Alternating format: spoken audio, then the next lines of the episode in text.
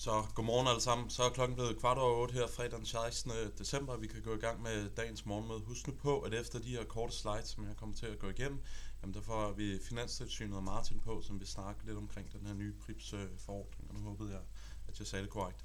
Lad os hoppe til slide nummer to. Hvad var det, der dominerede markederne i går? Jamen overordnet set, så var det jo en dag, der var præget af en meget, meget hawkish ECB både i øh, announcement på, hvad de rent faktisk lavede. De fremrykker det her QT-program til marts måned, hvor konsensus lå og forventede, at det først ville ske i øh, andet kvartal.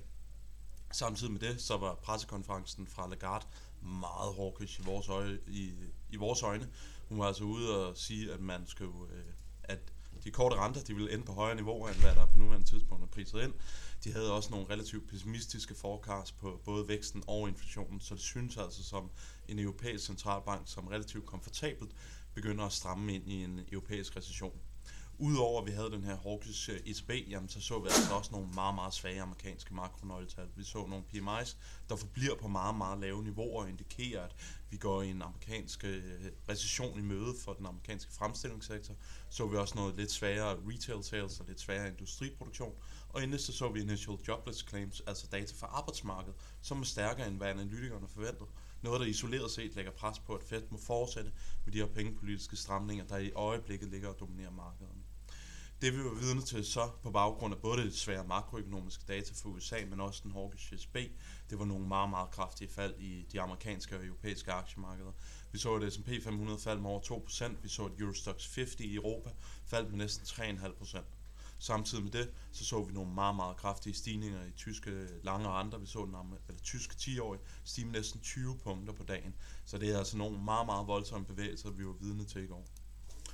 Hopper vi til slide nummer 3, der viser, prisningen for SP opgjort ved Euribor. Som kan se, så tog vi en små 25 punkters reprisning af 2023 for SP. Det er altså en forventning, eller vores forventning, om at den her reprisning, den kommer til at fortsætte over de kommende par, par uger. Det er altså de første steps, vi ser på, at markedet begynder at indordne sig under det her regime, hvor man forventer, at ECB kommer til at være mere hawkish, end hvad man måske tidligere havde ventet. Det vi var vidne til på de lange renter, det er det, jeg viser på slide nummer 4, det var et kraftigt opadgående pres på den øh, tyske 10-årige. Det er altså en bevægelse, der er svært at sidde overhøre, og det ligger altså pres på eksempelvis growth-segmentet, som nu bliver presset af, at vi ser de her stigninger. Nu har jeg ikke taget den med for den amerikanske 10-årige, men jeg synes også, det er værd at mærke, at det her det er altså en voksende divergens mellem tyske og amerikanske 10-årige, vi ser i øjeblikket. For den amerikanske 10-årige, den er stort set uændret over dagen. Ser vi på aktiemarkederne, jamen, så faldt vi altså relativt kraftigt. Vi er lang vej væk nu fra det 200 dage glidende gennemsnit, og vi er tæt på det 50 dage glidende gennemsnit.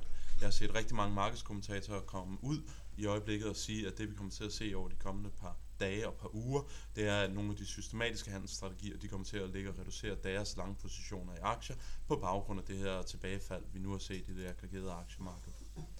Jeg synes også noget andet, der er værd at bemærke, det var, at Eurodollar den forblev stort set uændret på dagen. Det er måske ikke så overraskende i takt med, at sell-off det var drevet af en hawkish SB.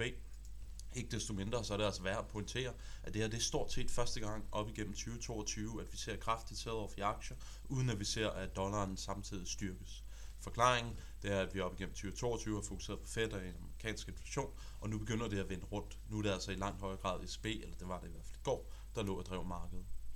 Så hvad kan vi ligesom opsummere på med hensyn til centralbankerne? Hvis vi starter med Fed, så er der altså i markedet i øjeblikket sådan lidt en øh, ligegyldighed med hensyn til de her dots. Altså Fed var ude og revidere op der dots, men vi ser altså ikke, at markedet repriser på det. Så det virker til, at Fed-kommunikationen den begynder at divergere noget fra markedsprisningen. Øh, Ser vi det aftagende inflationspres på den amerikanske økonomi, det er jo også med til at påvirke investorernes opfattelse af den amerikanske centralbank.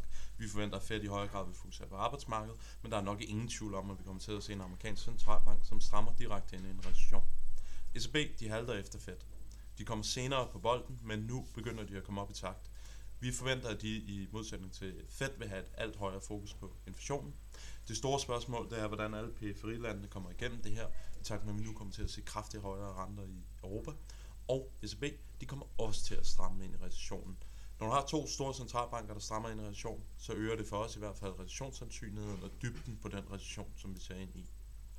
Sidste slide for mig. Øh, PMIs for USA, nu fik vi Empire Fed, og vi fik Philly Fed i går.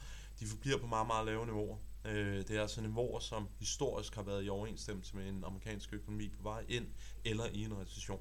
Så det er altså nogle foruroligende tal, vi i øjeblikket ligger forud af den amerikanske fremstillingssektor i særdeleshed.